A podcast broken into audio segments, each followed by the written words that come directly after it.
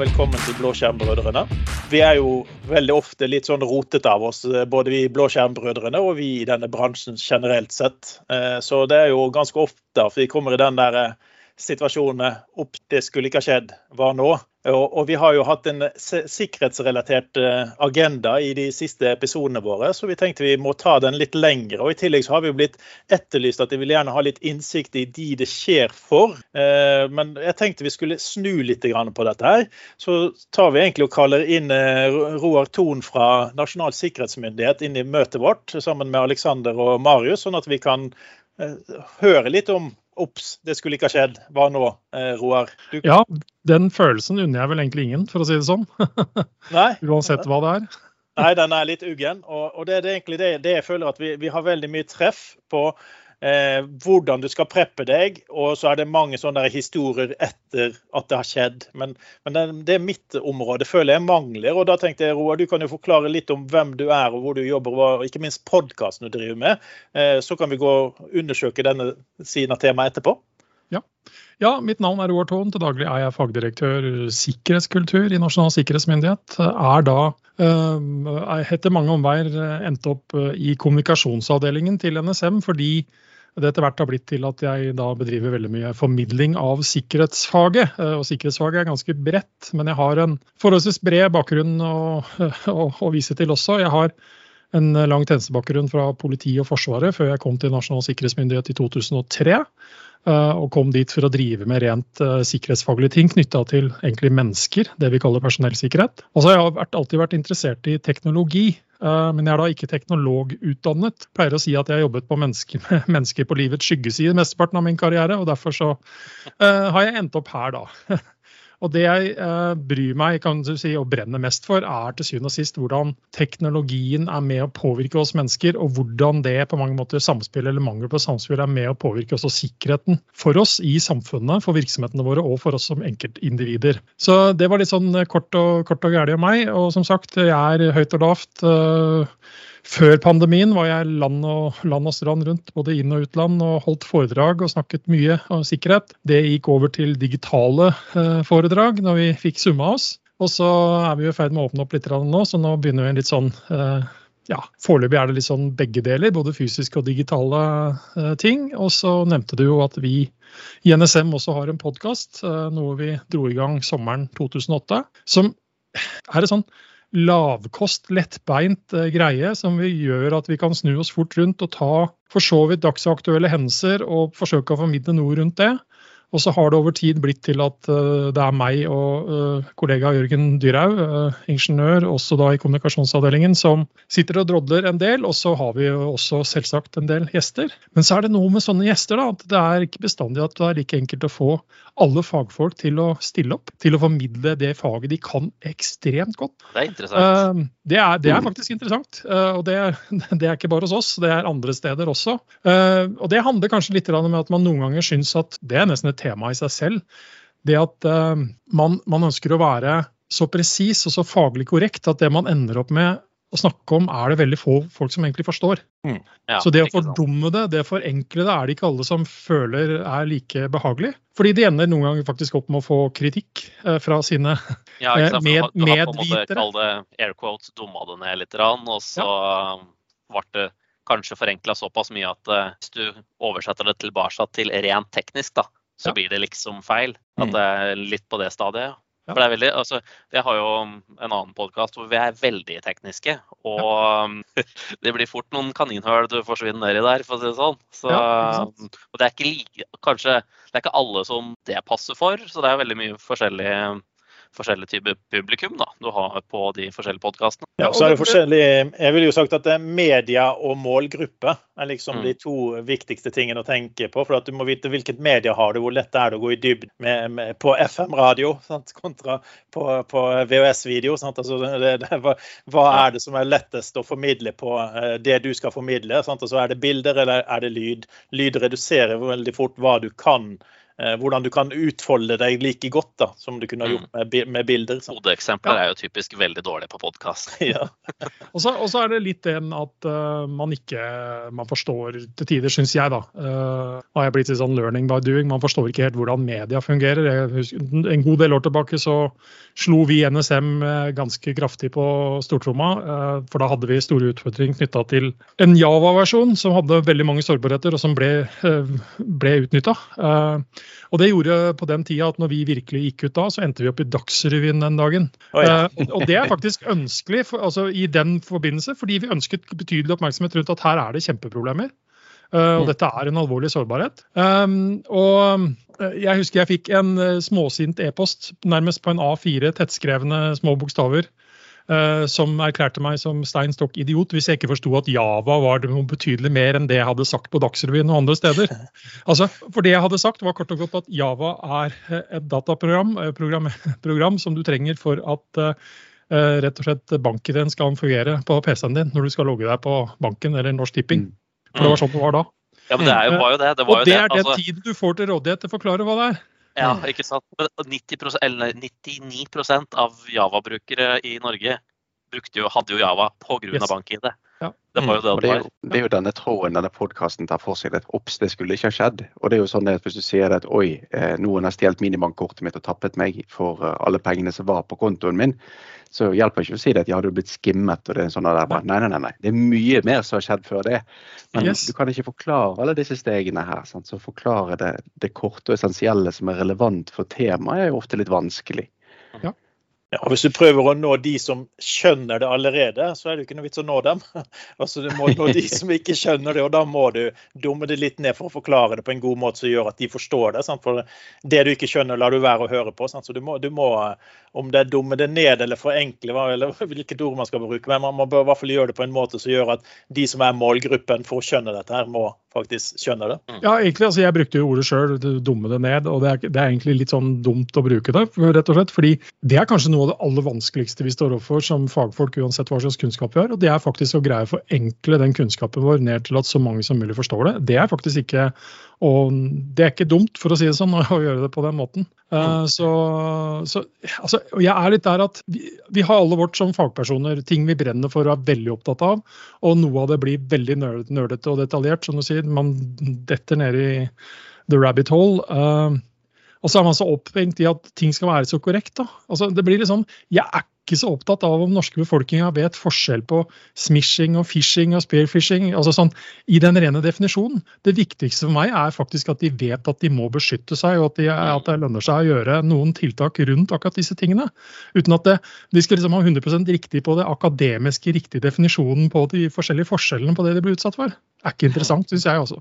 Nei, det er jo akkurat som å si det at uh, du tar ikke fagbrev i tømrerfag for å forstå det at, at snekkeren skal få tak i rett. Uh, noen ganger sier vi det at nå er taket tett, og så sier du ja, ah, det er kjekt. Så ja. kan jeg gå inn i den patchy server som server om meg. Det går fint, det. Ja, mm. ja. ja men, men det, uh, Kollisjon. Um, men så, så, for NSM, en ting jeg bare, Hva er den viktigste sånn oppgava til til NSM. Jeg var litt sånn, Det er ikke sikkert alle, alle vet, holdt på seg. Nei, altså Skal vi ta den populærvitenskapelige versjonen av NSM? Eh, da må vi bruke ja. noen sånne treige ord og uttrykk òg, da. Men altså, vi er et direktorat. Det høres jo veldig byråkratisk ut. Vi er et veldig spesielt direktorat uh, fordi vi er et tverrsektorielt direktorat. Dvs. Si at vi har altså myndighet til enkle ting som går på tverr av alle sektorer. Og så har vi to eiere i realiteten. Vi har Justis- og beredskapsdepartementet i sivil sektor, og så har vi Forsvarsdepartementet i forsvarssektoren. Eh, og vi jobber for og rapporterer til begge. Og Sånn sett dekker man egentlig eh, samfunnet inn i to deler når det gjelder akkurat den delen. Og så snakker vi jo da til syvende og sist om sikkerhet, og det innebærer så utrolig mye. De siste årene så er det cybersikkerhet som har fått betydelig oppmerksomhet, ikke sant? men vi har en lang lang historie som går helt tilbake til andre verdenskrig som organisasjon, eh, hvor vi snakker om å kryptere kommunikasjonen, den aller viktigste kombinasjonen i Norge. Vi snakker om å ha prosesser som sørger for at vi ikke slipper til hvem som helst av mennesker til den aller viktigste informasjonen vår. Så til syvende og sist så ender vi jo fort opp å snakke om litt sånne svulstige ord som nasjonal sikkerhet og rikets sikkerhet og sånne ting, men, men det er de aller, aller viktigste hemmelighetene våre som vi er til for å bidra til å passe på. Og så har det etter hvert også gjennom den teknologiske utviklingen blitt sånn at veldig mange andre ting i samfunnet eh, som blir digitalisert, gjør eh, også samfunnet både mer effektivt, men også mer sårbart. Og mm. da blir det plutselig en nasjonal sikkerhetsinteresse at både vann og strøm og en rekke andre ting faktisk fungerer. For det trenger vi rett og slett at det skal fungere. Så det har liksom utvida scopet til min organisasjon. Men vi er da én av de såkalte tre hemmelige tjenestene i Norge. Den erfaringsmessig minst kjent, for de aller fleste har hørt om Etterretningstjenesten og Politiets sikkerhetstjeneste.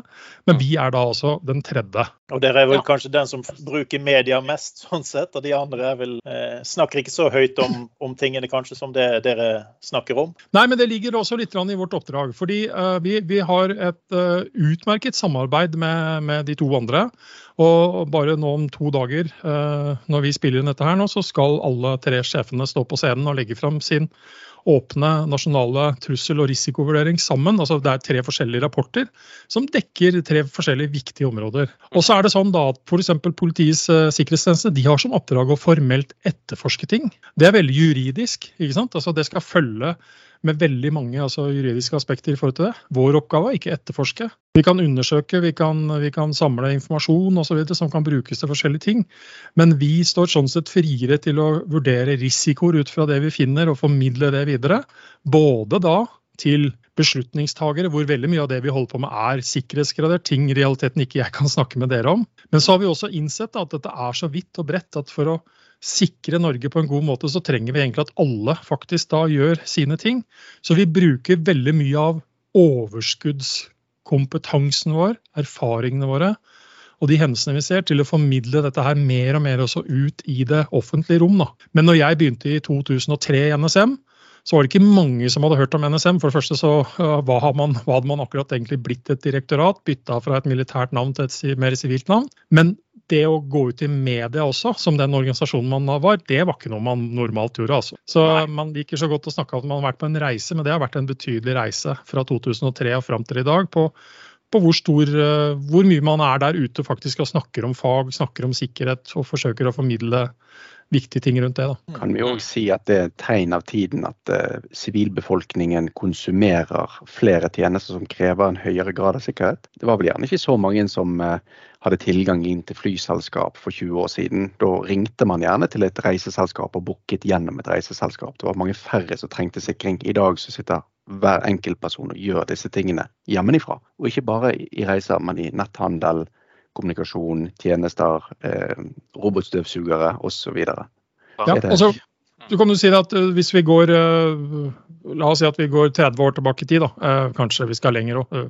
Tida går fort, og jeg begynner å bli en gammel mann, kjenner jeg. men Eh, går vi 30 år tilbake i tid, eh, på et sykehus, så var det liksom ikke krise hvis noen uvedkommende hadde stjålet eh, penn og papir fra legen og sykepleieren. Hvis vi overfører det i digital form i dag til at penn og papir, altså muligheten til å skrive ned ting, kommunisere med hverandre for å behandle altså pasienter og gjøre det viktige tingene et sykehus skal, det er krise, for å si det sånn. ikke sant? For alt er lagt opp til at de digitale verktøyene skal fungere. Så vi er blitt betydelig mer sårbare gjennom alt det fantastiske teknologien også bringer med seg. Og Vi ser jo den type angrep som har ja, florert, må vel være et greit begrep her, rundt ransomware og forskjellig type ja, utpressing. Både da med kryptering av data og sånn at tjenester er nede, men også da tyveri av data.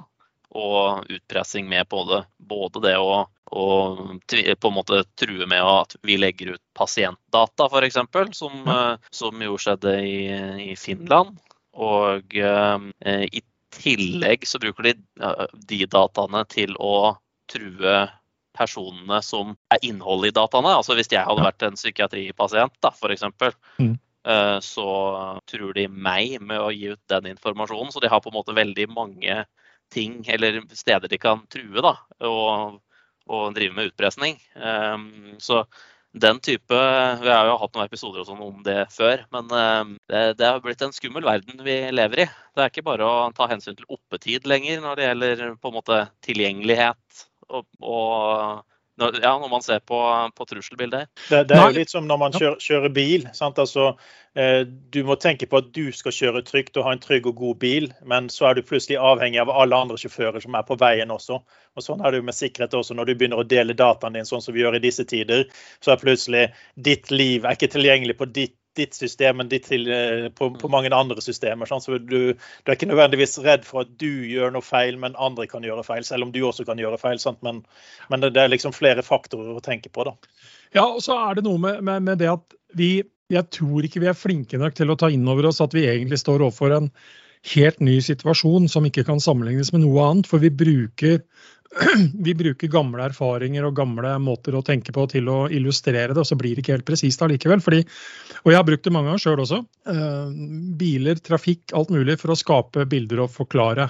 Samtidig så er det én faktor i det der med å kjøre bil, at det er risiko ved det og rekke sånne ting. Og det er det at veiene våre er altså ikke fulgt opp av trusselaktører som forsøker å krasje bilen sin mot din.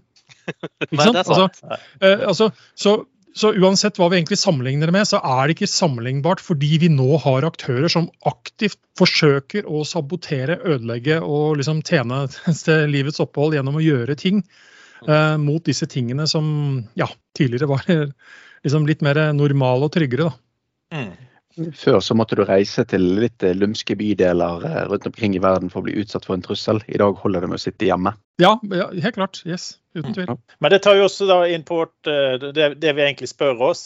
Ops, det skulle ikke ha skjedd, og hva skal vi gjøre nå? For det, jeg tror det er veldig mange som er i den situasjonen. Om det er et lite uhell som har skjedd, eller om det er et stort uhell, så tror jeg det er veldig mange norske organisasjoner, og privatpersoner for den saks skyld, men, men la oss fokusere litt på organisasjoner som eh, det, det skjer jo, det har skjedd. Eh, og det kommer til å skje i, i, så å si alle organisasjoner som eksisterer. Men det, jeg tror det er veldig mange som er litt ukjent med hva bør de gjøre når de oppdager at noe har gått galt. Ja, Det var et veldig åpent spørsmål. ja, det, det, er svært. altså Hvor begynner vi her? Ja. Altså, hva, har, eh, hva, har, skjedd? Men la oss ta det første leddet eh, som eh, så La oss diskutere første eh, som vil gå gjennom hodet på noen. Man ser at det er inntrengere. da. La oss gå ut fra at det er en inntrenger, en type ransomware eller noen som prøver å hijacke dataen. Eh, og hvis det er eh, inntrengere, så, så, ville min første tanke vært, hvis jeg går tilbake fem år i tid, så ville det vært trekk ut kabelen, for da er det ingenting som lekker ut av den. Eh, men i noen tilfeller nå så vil jo det være feil reaksjon.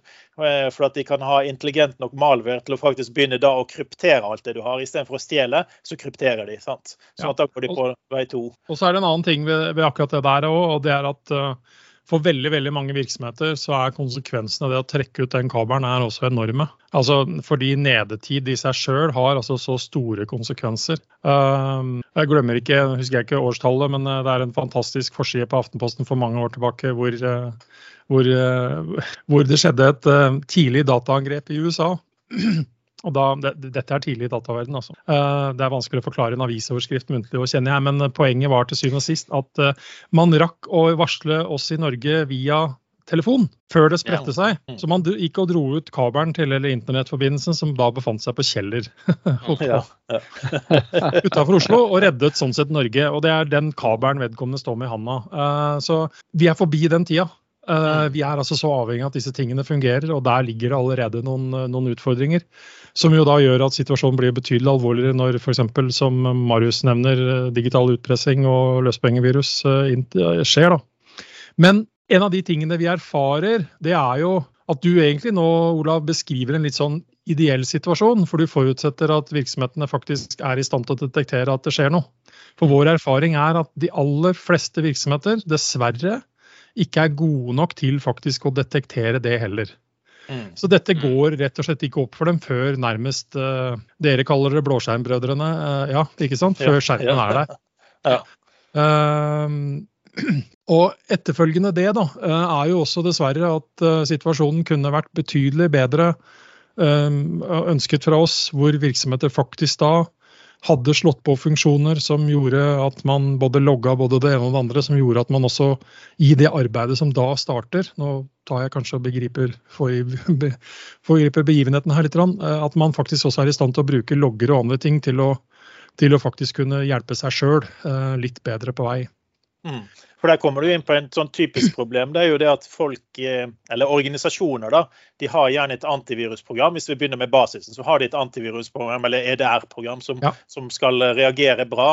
Eh, men så har de enten ikke konsollet til det, altså de har det eh, installert rundt omkring. Eller de har konsollet, men de overvåker det ikke, så de får ikke alert hvis ikke de går inn på nettsiden som følger med konsoll, eller websiden fra leverandøren. Så de har ikke alert, de har ikke trigger. Som du sier, at Hvis du plutselig går inn der i etterkant, så kan det vise seg at du så spor av dette her for to-tre uker siden. Så, så, den prosessen med å faktisk hente inn informasjon rundt omkring bare for å vite at noe skjer, er jo veldig viktig. da. Ja, og så er det en annen ting i det når vi sitter og diskuterer det her, så er det liksom utfordringene, kjenner jeg ofte på. Det er at liksom vi generaliserer, og så snakker vi om ideelle situasjoner. Og da er liksom litt av sånn spørsmålet mitt nå på det, noe av det vi allerede snakka om. Snakker vi nå om eh, firemannsbedriften som driver og snekrer, eh, eller snakker vi om en betydelig større virksomhet med betydelig større ressurser og muligheter til å faktisk gjøre noen av disse tingene? For det er utopi, hevder jeg, å tro at en eh, helt vanlig norsk bedrift med 20 ansatte, uansett hvilken bransje de er i, om det er i transportbransjen eller hva det er, har egentlig noe som helst ressurser og kompetanse til å se på det vi snakker om her og nå. Mm. De kjører lastebil, eller de snekrer, eller de gjør sånne ting. Og da kommer vi inn på noe som igjen, vi går kanskje ikke liksom riktig eh, rekkefølge her, men jeg, sånn flyter samtalen. Ja, det handler til syvende og sist om å, om å faktisk forstå at dette kan ramme deg likevel, uansett om du er en 20-personsbedrift eller om du er et stort konsern. Og gjøre noen tiltak sånn sett å forberede deg på dersom det skjer. Og da er jo spørsmålet hvem er det du da har som leverandør? Hva slags avtale har du skaffa deg der? Har du noen i andre enden som ikke er deg, som sitter og gjør noen av disse tingene for deg? Mm. Eh, det er ikke uten grunn til at sikkerhetsbransjen vokser, for å si det sånn. Hvor nettopp en del av de tjenestene vi da snakker om, er, er, helt klart aktuelle på markedet. Der, der, det vokser litt uh, nå, altså vi merker at det vokser i bransjen i hvert fall, virker det som å være de som skal uh, sjekke ikke det du har kjøpt av tjenester. Altså Du kjøper f.eks. Microsoft sin E5 for å tro at det er tryggest mulig, men hvis ikke du har noen som overvåker eller agerer når noe skjer der, så kommer det ikke noen vei. sant? Det Samme gjelder websider og tjenester. men Veldig mange kjøper tjenestene, men de får ikke utnyttet dem. Og Hvis du er en 20-personers eh, transportbyrå, så vil ikke du ha en mann som skjønner dette. her, Men vi ser at det er flere og flere som gir disse tilbudene om å kunne sjekke logget for deg og alerte deg på det som faktisk betyr noe for deg. på en en måte som du skjønner. Ja, det er jo bare, bare å prøve å sette seg inn i liksom litt sånn type mengden støy da, du har i sikkerhetslogger og alt mulig sånn. Prøve å finne den nåla i høystakken er ikke en Ja, altså det er en heltidsstilling, bare det. på en måte. Så... Det å sjekke sign-in på Microsoft 365 er jo en jobb i seg selv. Og du skal ikke være veldig stor bedrift for å få litt uh, uoversiktlig mengde data. Og, og jeg syns det er veldig god sammenligning man kommer med her. Jeg synes det er veldig riktig det du sier, Roar. Det er jo ikke nødvendigvis sånn at bedriftene faktisk oppdager det. Så noe av det Olav har gjort veldig lenge, og vi har arbeidet med i vår del av bransjen, er jo det at hvis du har en mistanke om noe, gi heller beskjed en gang for mye, en gang for lite. For it's easier to stay out than get out. Og den kan jo brukes i alle situasjoner. Om du har litt shady business eller om det er hackerangrep som er på vei, så er det lettere å unngå å komme i uføre enn å komme seg ut av et uføre. Mm. Eh, så det å gi beskjed veldig tidlig, det unngår å kompleksifisere ting eh, videre utover i organisasjonen. Da. Men eh, når vi da snakker om liksom størrelse på virksomheter og kompetanse osv., så, videre, så er det jo, det er jo ikke noen det er jo ikke noe eh, vitenskapelig tall på dette her, men det er jo vår opplevelse at eh, når vi da liksom sier hvem er det som har noen som sitter og følger med litt på hva som faktisk skjer og hva man må gjøre, så er det helt klart grunn til å si at det er det på langt nær alle som har tatt seg råd til eller forstår at de må ha.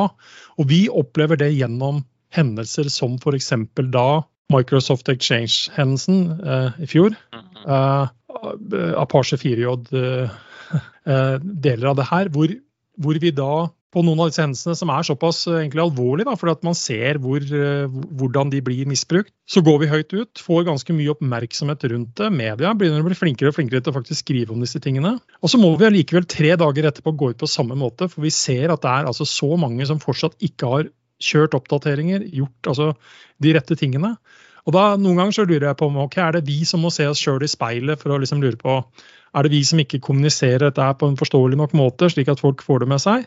Og det kan absolutt hende at det er det, at vi ikke skal være flinkere til å gjøre det, de tingene også. Men jeg har nok også mistanke om at det er, altså så, det er så mange som overhodet ikke fanger det opp eller forstår hva det faktisk innebærer, at de faktisk må gjøre noe. Altså, jeg tror det er en kulturting du må få på plass der. for Du ser jo veldig ofte at uh firmaene får fokus fra ledelsen på at nå skal vi øke sikkerheten vår. Eh, og så er det gjerne en stille periode hvor det ikke har skjedd noe, så forsvinner den fokusen. Forsvinner kanskje midlene og investeringsviljen når man tenker at her burde vi gjort dette her, men det vil øke belastningen vår på en viss sum. Så vil du få ja hvis det er rett etter eh, Eh, en av disse eventene så får du ja, men går det to måneder, eh, så får du nei. For at nei, det skjer jo ingenting hos oss, vi er trygge. Altså, det, jeg tror ikke kulturen er langsiktig nok til å innse at det, eh, det skjer hele tiden. Kan det være en brannfakkel å si det at vi, vi, som bransje heller ikke verken har vært flink nok til å ta den kulturen ut til befolkningen, samtidig som det at resten av befolkningen ikke har gitt oss den plassen vi faktisk bør ha. Og da mener jeg veldig konkret det at nå har vi nyhetssending, vi har sportssending, økonomisending og vær. Eh, men en femminutters innslag om at disse fem tingene her bør du faktisk få på plass i løpet av den neste uken, og faktisk ha en sånn nyhetsblokk som går litt på repetisjon i de store norske mediene. da. For ingen kritikk til de andre fløyene, men været er jo ikke alltid presist varslet. Nei, eh, men, eh, men hackerangrep er. ja. Altså, Hvis jeg skal være litt fri, da, så kan jeg jo si at jeg har jo en del med media å gjøre. og det er utrolig mange dyktige, flinke journalister der ute som bryr seg om dette som fagtema og kan utrolig mye. Men vi møter jo også i vårt møte med journalister folk som er satt på en sak for å skrive om et eller annet som du da føler at nå starter vi altså helt, helt på scratch. Du lurer altså hvor denne personen har vært de siste ti årene. Når det gjelder altså rett og slett å forstå det digitale domenet, forstå de verktøyene vi bruker, at det faktisk er krefter der ute som forsøker å gjøre noe. Og, men, og, så, så, ja, vi kan, vi kan, helt klart se på oss sjøl, men, men jeg tror også vi skal gå lenger tilbake og snakke om og det Har dere hørt noe på vår podkast, har dere garantert hørt jeg si dette mange ganger, men vi har fortsatt en sånn analog tilnærming til dette her. Som at vi fortsatt tenker på dette som at det er fysisk, geografisk tilstedeværelse som må til for å gjøre noe med oss. Vi snakker om hacking og, og hendelser, dataangrep, nærmest som at det er en slags sånn røverbande som fysisk jobber seg oppover Gudbrandsdalen, og så tar de skart til venstre før Trondheim. Så nå må de på Vestlandet begynne å passe litt ekstra på. Det er jo ikke sånn. Vi er alle sammen et digitalt mål. Uansett hva slags bedrift vi er, hva slags bransje vi er, hva så hvor vi holder til. Det spiller ikke en rolle om du holder til på, i Ålesund eller i Harstad eller hvor det er, og hvor mange ansatte du har. Du har en digital tilstedeværelse. Den vil det garantert være noen som forsøker å utnytte i mange sammenhenger. Og de gir blaffen i hvor stor du er, hvor du holder til. De vil forsøke å forfølge det så langt det er mulig for å tjene penger og gjøre sin ting. Og så finnes det selvsagt noen andre aspekter der hvor det, hvor det er betydelig mer målretta virksomhet, hvor vi da snakker om hvem det er som er ute etter deg helt konkret. Men vi har så lett for å tro at det er hele situasjonen, at det bestandig er målretta òg, basert på dårlige amerikanske TV-serier og filmer. ja, men, men det, det, det, er jo sånn du ser med D-Log4j og Exchange og de, de, problemene nå. Der har det jo på en måte da vært veldig altså Hvis du har vært litt treg da, med å patche serverne dine, så tar det altså kostnaden da, for noen å basically skanne hele internett for sårbare exchange-servere, det eh, det er ingenting, nesten. Så, og, og, ja, hvem som helst som kan litt, kan da klare å utnytte de sårbarhetene til å til å spre inn noe ransomware bare helt tilfeldig. ikke sant? De bare slenger det av gårde og krysser fingra for at det kommer fram. Kommer det ikke fram, så kosta det ikke noe å sende den ene HTTP-requesten allikevel, på en måte. Så kostnaden eh, er veldig lav, da.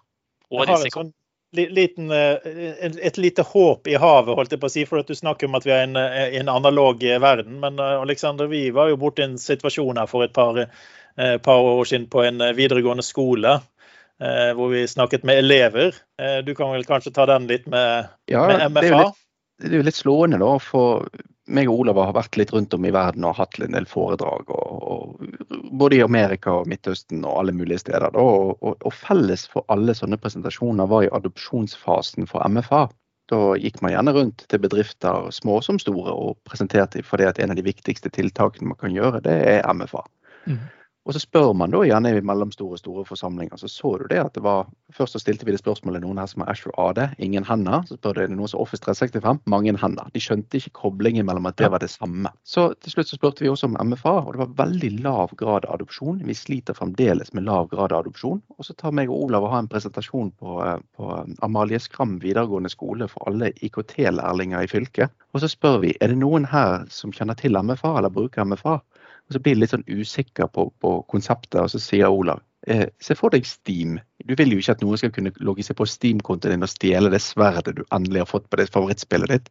Og alle tar opp hendene og sier mm. selvfølgelig, vi bruker jo Authenticator-appen. Vi er jo ja. ikke helt teit. Nei, ikke sant.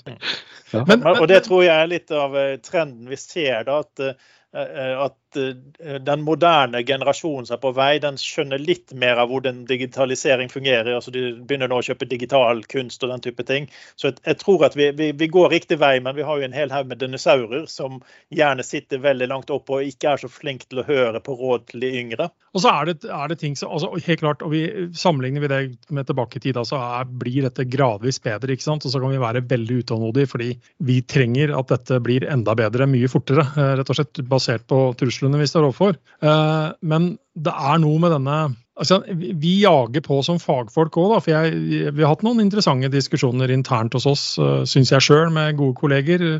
Som da skriver masse fornuftig om bl.a. Uh, multifaktorautentisering. Uh, i forhold til hva er sikkert nok. ikke sant? Hva er best, hva er sikkert nok? Og jeg, jeg, sier at ok, Det er spennende, det, men dere må faktisk forholde dere til at vi enda ikke overbevist befolkningen og virksomhetene nok til at det faktisk er fornuftig å ta i bruk. Så når vi endelig liksom får det over til, til, å ta det i bruk som prinsipp, så starter vi med diskusjonene på at nei, via SMS det er ikke godt nok. Ikke sant? Da er dere med på den. Men, men, men, til syvende og sist altså, vil jeg hevde at ok, tofaktor på SMS er betydelig bedre enn ikke noe eh, MFA i hele tatt. ikke sant? Altså, mm. Vi løfter hele tida greia, men vi er liksom utålmodige, så vi skal hele tida jage videre uten å fullt ut forstå at vi har ikke fått med oss røkla. Og mm. det er et stort problem. Ja, helt klart. Eh, hvordan, hvordan jobber NSM sånn i forhold til Dere har jo da varslingssystem for digital infrastruktur. Eller, ja, ikke, VDI. Det, er det, ja, VDI. Det er dere som ja. på, eier den som tjeneste, ikke sant? Ja. Det består jo også av masse sensorer rundt omkring på ja, samfunnskritiske organisasjoner og alt mulig. Jeg vet mm. ikke helt teknisk hvordan det, hvordan det sitter sammen, jeg. Men, eh, men, hvordan jobber dere sånn, kall det reaktivt, da? Eh, I de tilfellene hvor det, hvor det er en Log4j exchange eller helt andre typer ting. Bryr dere dere om sånn, kalle sånne ting, eller er det mer sånn her er det Sland som står og banker på døra og skal inn på Stortinget-type nivå? Nei, altså jeg vil si at vi bryr oss om begge deler. Og så vil det være ressursbegrensninger i forhold til altså hvor, hvor, mye man kan bekymre. Fordi eh, tar, du, tar, du, nettopp de sårbarhetene du nevner, da, så er det liksom OK, når, når, er det de blir brukt av uh, de avanserte aktørene, og de vi eventuelt ikke er så, liksom, så redde for? Eh, problemet er at det er umulig å spå. Fordi det som går igjen hele tida, det er at alle av disse aktørene, uansett hvem de er, de ønsker å ha minste motstands vei, så billigst som mulig. Uh, så vi er nødt til å være på ballen på, på alle disse andre tingene også. Uh, men så er det klart at det er enkelte som du sier, da, VDI, varslingssystem for digitale infrastruktur, har eksistert en stund. og det, det er altså sensorer ute hos både private og offentlige virksomheter som har en betydning for samfunnet og samfunnssikkerheten. Og så har det vært veldig viktig for oss, for det er et ganske spesielt system, eh, at eh, det er høy transparenthet knytta knyttet opp mot virksomhetene som har det. De eier faktisk de sensorene selv, mm. og har muligheter til å se og forstå veldig mye av det som skjer der. Og det er, det er litt spesielt å komme ut til det store utland og fortelle om hva vi som myndigheter faktisk da gjør i samarbeid med f.eks. private aktører, som går du til USA og forteller om det, så er det helt utenkelig at det skulle være mulig. Men det er den gjensidige tilliten faktisk man har til hverandre, eh, bygd opp over både mange år før den digitale verden kom på plass, men, men også nå. Og, og, det er ja, Sånne ting blir, er ekstremt viktig for oss, og ikke minst fordi vi er et lite land og sånn sett ikke nødvendigvis har ressurser til å sitte over alt og følge med på alt i hver tenkelig bransje eller sektor heller. Hva tror du er det Ølpo sa det, det, har, det, er helt sikkert NSM en liste over hva som er mest både sannsynlig og sånn av Nå roter jeg litt her, hører jeg, men type angrep, da. Men jeg, jeg har jo litt sånn fra dag én rundt smarte strømmålere. Ha, egentlig venta litt på den at nå er det noen som tar en sånn løsning, eller kanskje noen som gjør, gjør en litt sånn form for eh, hva skal man kalle det? Eh, demonstrasjon av at eh, her kan vi ta en kommune offline i noen dager. Sånn, fordi du kan jo fjernstyrt frakoble eh, strøm og, og, sånne type ting. Da. Ja. Eh, men hva, hva, er det som på en måte er de, mest, ja, de viktigste eh, topp tre her da, av, av, på en måte mål? Eller ja, jeg vet ikke. Nei, jeg, jeg, jeg, jeg, tror du, jeg tror jeg veit hva du spør om. men jeg, tror ikke jeg skal komme med noe topp tre. Men det er klart at en, en sånn hovedbekymring vi har, da, som er veldig rund uh, når jeg skal formidle dette her, det er jo til syvende og sist at vi, vi, vi ser og mistenker at vi har aktører som til stadighet uh, driver å si, forsøk på, uh, noen ganger vellykket, men forsøk på og teste hvordan ting fungerer hos oss på det vi kaller kritisk infrastruktur. Med nettopp strøm, eh, rekke ting, finansielle institusjoner, you name it. Eh, og noe av det kan ses på som ren datakriminalitet, og så kan det godt hende at det ligger andre motiver bak for å teste rett og slett hva er mulig. Og bakenfor det så ligger bekymringen over at vi har potensielt og Da snakker vi da nasjonalstater, altså land, andre land, som skaffer seg kapasiteter til å sette det norske samfunnet delvis eller helt ut av spill i en digital form, dersom de skulle ønske å gjøre det. Mm. Og Når jeg sier det, da, så tror jeg også det er viktig å forstå at man har aktører som jobber med det som mål. Garantert. Det er, altså, dette er en naturlig del av si, alt fra militærplanlegging og andre, i hvert fall hos enkelte aktører.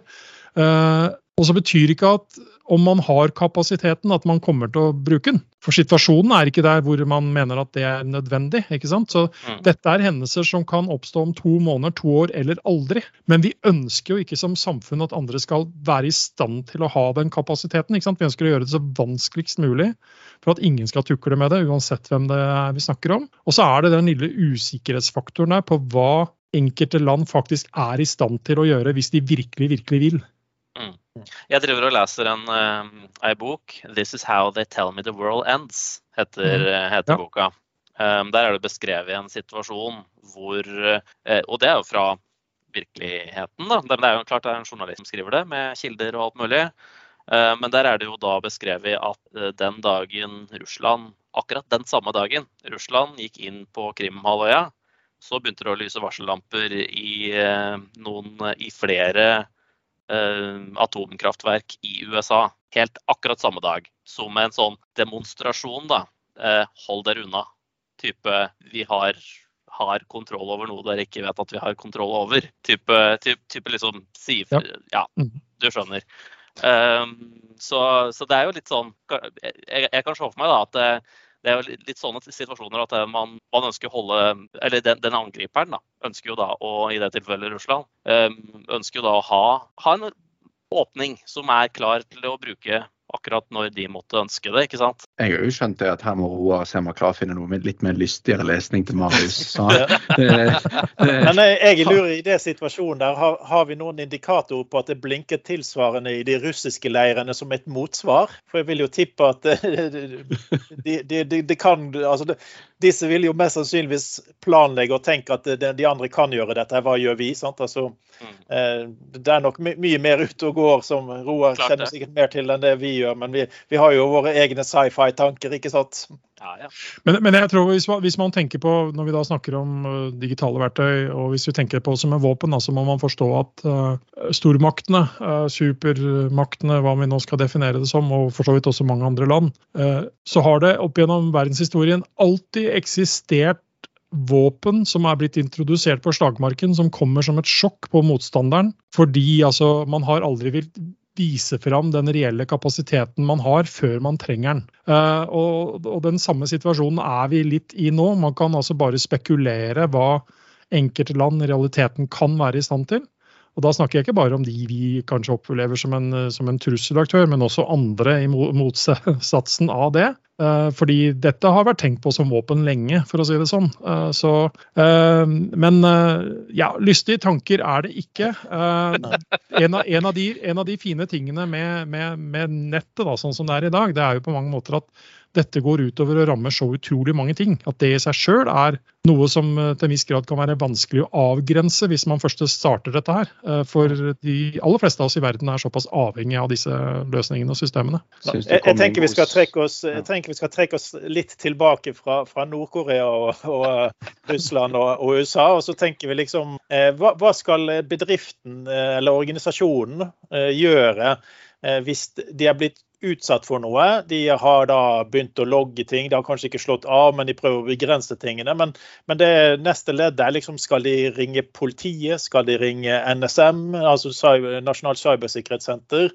Eh, skal de ringe forsikringsselskapet? Liksom, hva, hva, sånn, hva, vil være en naturlig neste prosess når du ser at OK, vi, for det første vi trenger folk som kan hjelpe oss å gå i sømmene på dette her, og vi trenger å vite hva vi skal gjøre videre. Ja. Da kan jeg i hvert fall si sånn, litt sånn forenkla at ingen av de tre du holder lista om nå, kommer til å eh, være de som hjelper deg tilbake med at uh, skjermene dine kommer opp igjen og systemene dine går. Mm. Uh, fordi oppgavene der er helt uh, annerledes. så noe av det aller viktigste er gjerne på forhånd å avklart hvem det faktisk er du ringer til som faktisk kan komme inn med, med folk. ikke nødvendigvis fysisk, men fjernt. Og, og, faktisk hjelpe deg til å komme tilbake i drift, for å si det sånn. For det vil for de aller fleste virksomheter være pri én. Mm. Men eh, det er alltid sånn at eh, når det skjer noe, så lurer vi alltid hvem er det som har gjort dette her. Jeg er ikke bestandig at jeg føler at det er det som er hovedsaken her. For det viktige er faktisk at dette samlebåndet begynner å gå igjen. Og så får vi ta det andre litt mer sekundært. Jeg stilte jo et litt sånn ledende spørsmål også, da, for jeg har jo selvfølgelig vært inne og snoket på hjemmesiden din, Roar, som den hackeren jeg er. Eh, så, så, har jeg jo sett at dere har jo faktisk en liste over selskaper som tilfredsstiller NMM, NSM sine krav.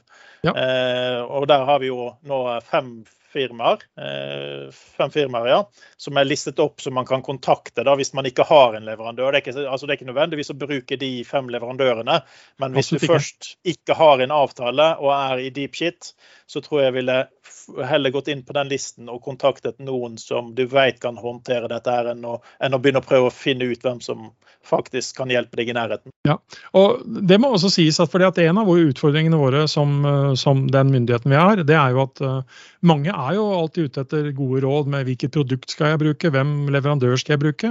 Uh, det vil fort bli ekstremt markedsvridende hvis vi skulle ha noen uh, meninger om det.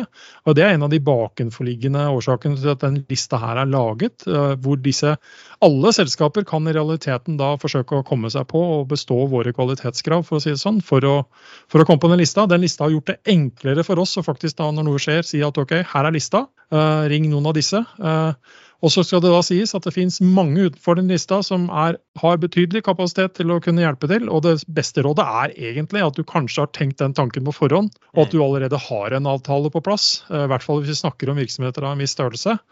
Eh, sånn at du eh, slipper å forhandle deg fram til en god deal når du først står med begge beina i ja, ja, og for, for, en mindre leverandør, nei, for en mindre kunde og organisasjon så er det jo egentlig ikke verre enn at de kontakter sin vanlige leverandør, og så sier de bare hva ville dere gjort hvis vi ble satt ut for et angrep? Og så kan de ja. si at vi kan hjelpe deg, eller vi kan hjelpe deg å gå videre, eller at du bør ha tenkt på dette i forkant. Så, så Vi har jo snakket om disaster recovery-plan. Eh, egentlig Hva skal vi gjøre om noe skjer? Og mm. Der er jo egentlig dette blitt en av de desidert viktigste punktene. Det er ikke så nøye hva som skjer hvis diskene ryker lenger, det er mer nøye hva som skjer hvis systemene går ned ned. sant? Ja, men, men, det betyr ikke at ikke verken vi eller politiet ønsker å få kunnskap om dette her. fordi altså, det, Dette er jo ofte ting som henger sammen. og eh, Politiet trenger faktisk formelle anmeldelser av disse sakene for faktisk å kunne altså av mange årsaker, både etterforske og gjøre det de skal gjøre, men også rent statistisk sett kunne greie å vise fram hvor stort dette problemet faktisk er. For det er en litt sånn ond sirkel da, hvis du ikke har uh, anmeldelser. ikke mm. sant? Så får du heller ikke et grunnlag for å si at dette er noe vi faktisk må ta på alvor som uh, politimyndighet. Uh, og når man ikke har tallene, så får man heller ikke pengene og ressursene til faktisk å respondere. Og har man ikke pengene og ressursene, så kommer man heller ikke til å greie å gjøre noe, og ergo så er det heller ingen som anmelder. ikke sant? Altså, så det er liksom litt sånn, for det, det, tror jeg er ganske viktig å forstå, da. Og det er ja, litt sånn frustrasjon fra meg til tider er når man sier det som ja, men myndighetene må komme på banen her, myndighetene må gjøre noe. Ja, men hva mm. forventer du at vi skal gjøre, da? Altså, Noen ganger så lurer jeg på om du forventer at vi skal drifte serverparken din, altså. Altså, fordi det ønsker du virkelig ikke, for å si det sånn. Altså, du ønsker ikke at vi skal overta sikkerhetsansvaret for det. fordi da kommer sånne som meg til å si at hør nå her, du får ikke lov til å bruke det programmet, du får ikke lov til å gjøre sånn, du kan ikke gjøre sånn. Uh, fordi av sikkerhetsmessige hensyn så er det sånn eller sånn. Uh, man må faktisk forstå at man eier disse tingene sjøl. Det er ikke sånn at man bedriftseier kan ringe politiet og si at hør nå her, vi skulle gjerne hatt hjelp av dere til å komme og rydde opp på branntomta vår. Mm. Altså, eh, altså, Det er ikke det politiet er til for. De er til å etterforske de forskjellige ting og har sine oppgaver.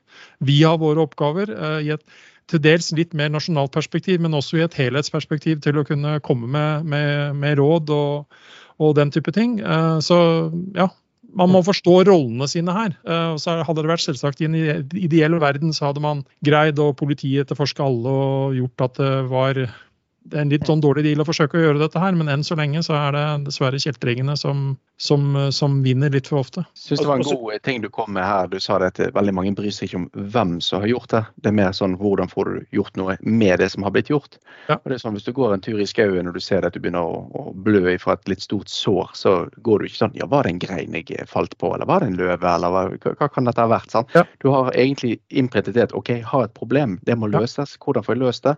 Og du vet til og med hvem du skal kontakte.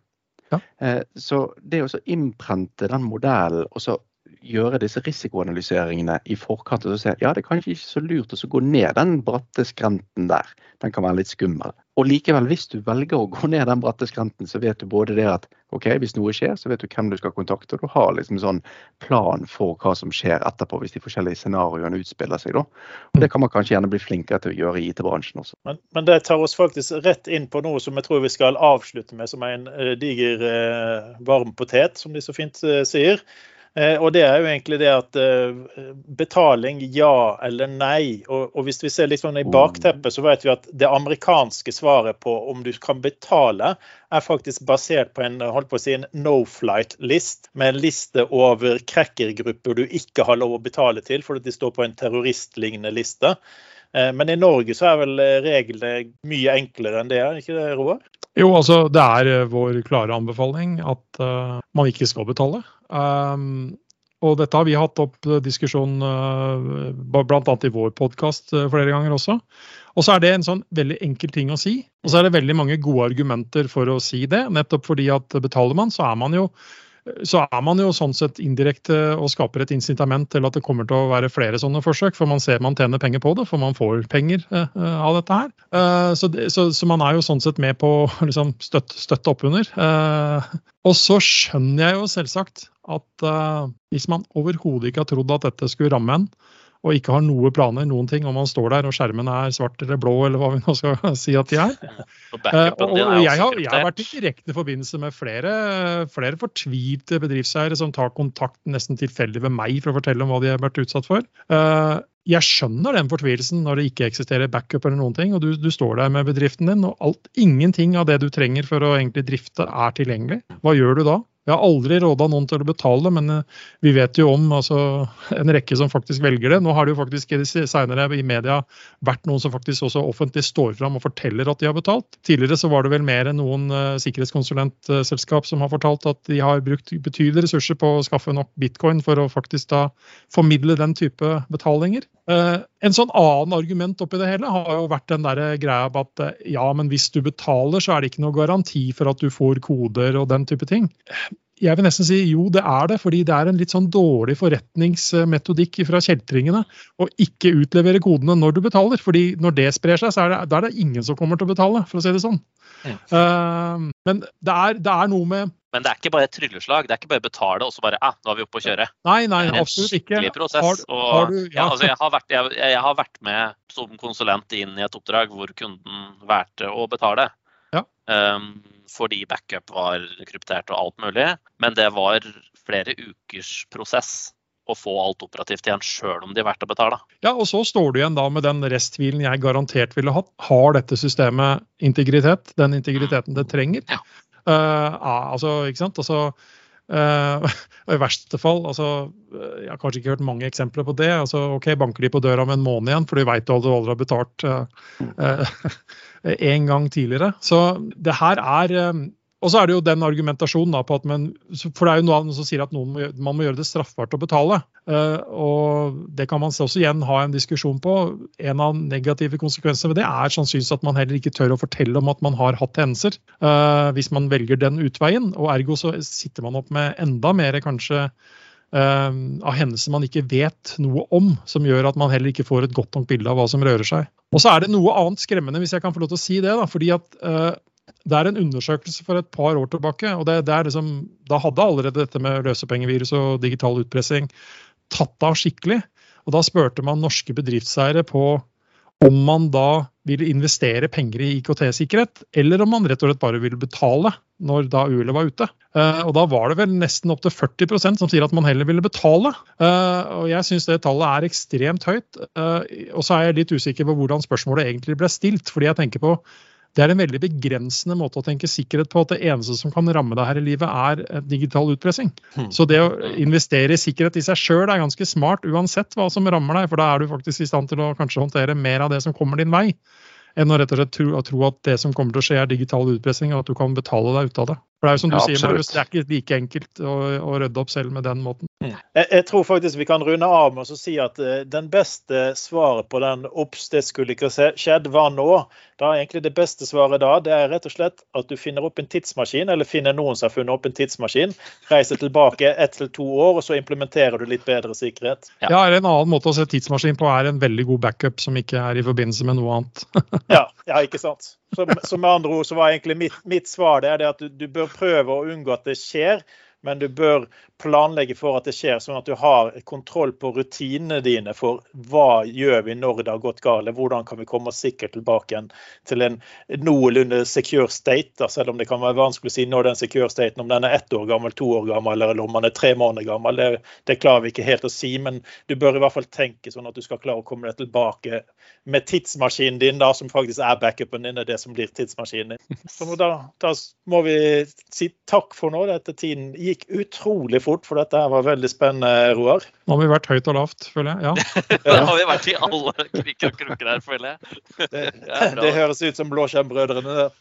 Ja, det er oss. Ja. Høres bra ut. Tusen takk for nå, Roar, og så eh, fortsett å kjempe den gode kampen videre. Takk skal du ha. Bare hyggelig. Vi snakkes. Bare vi snakkes.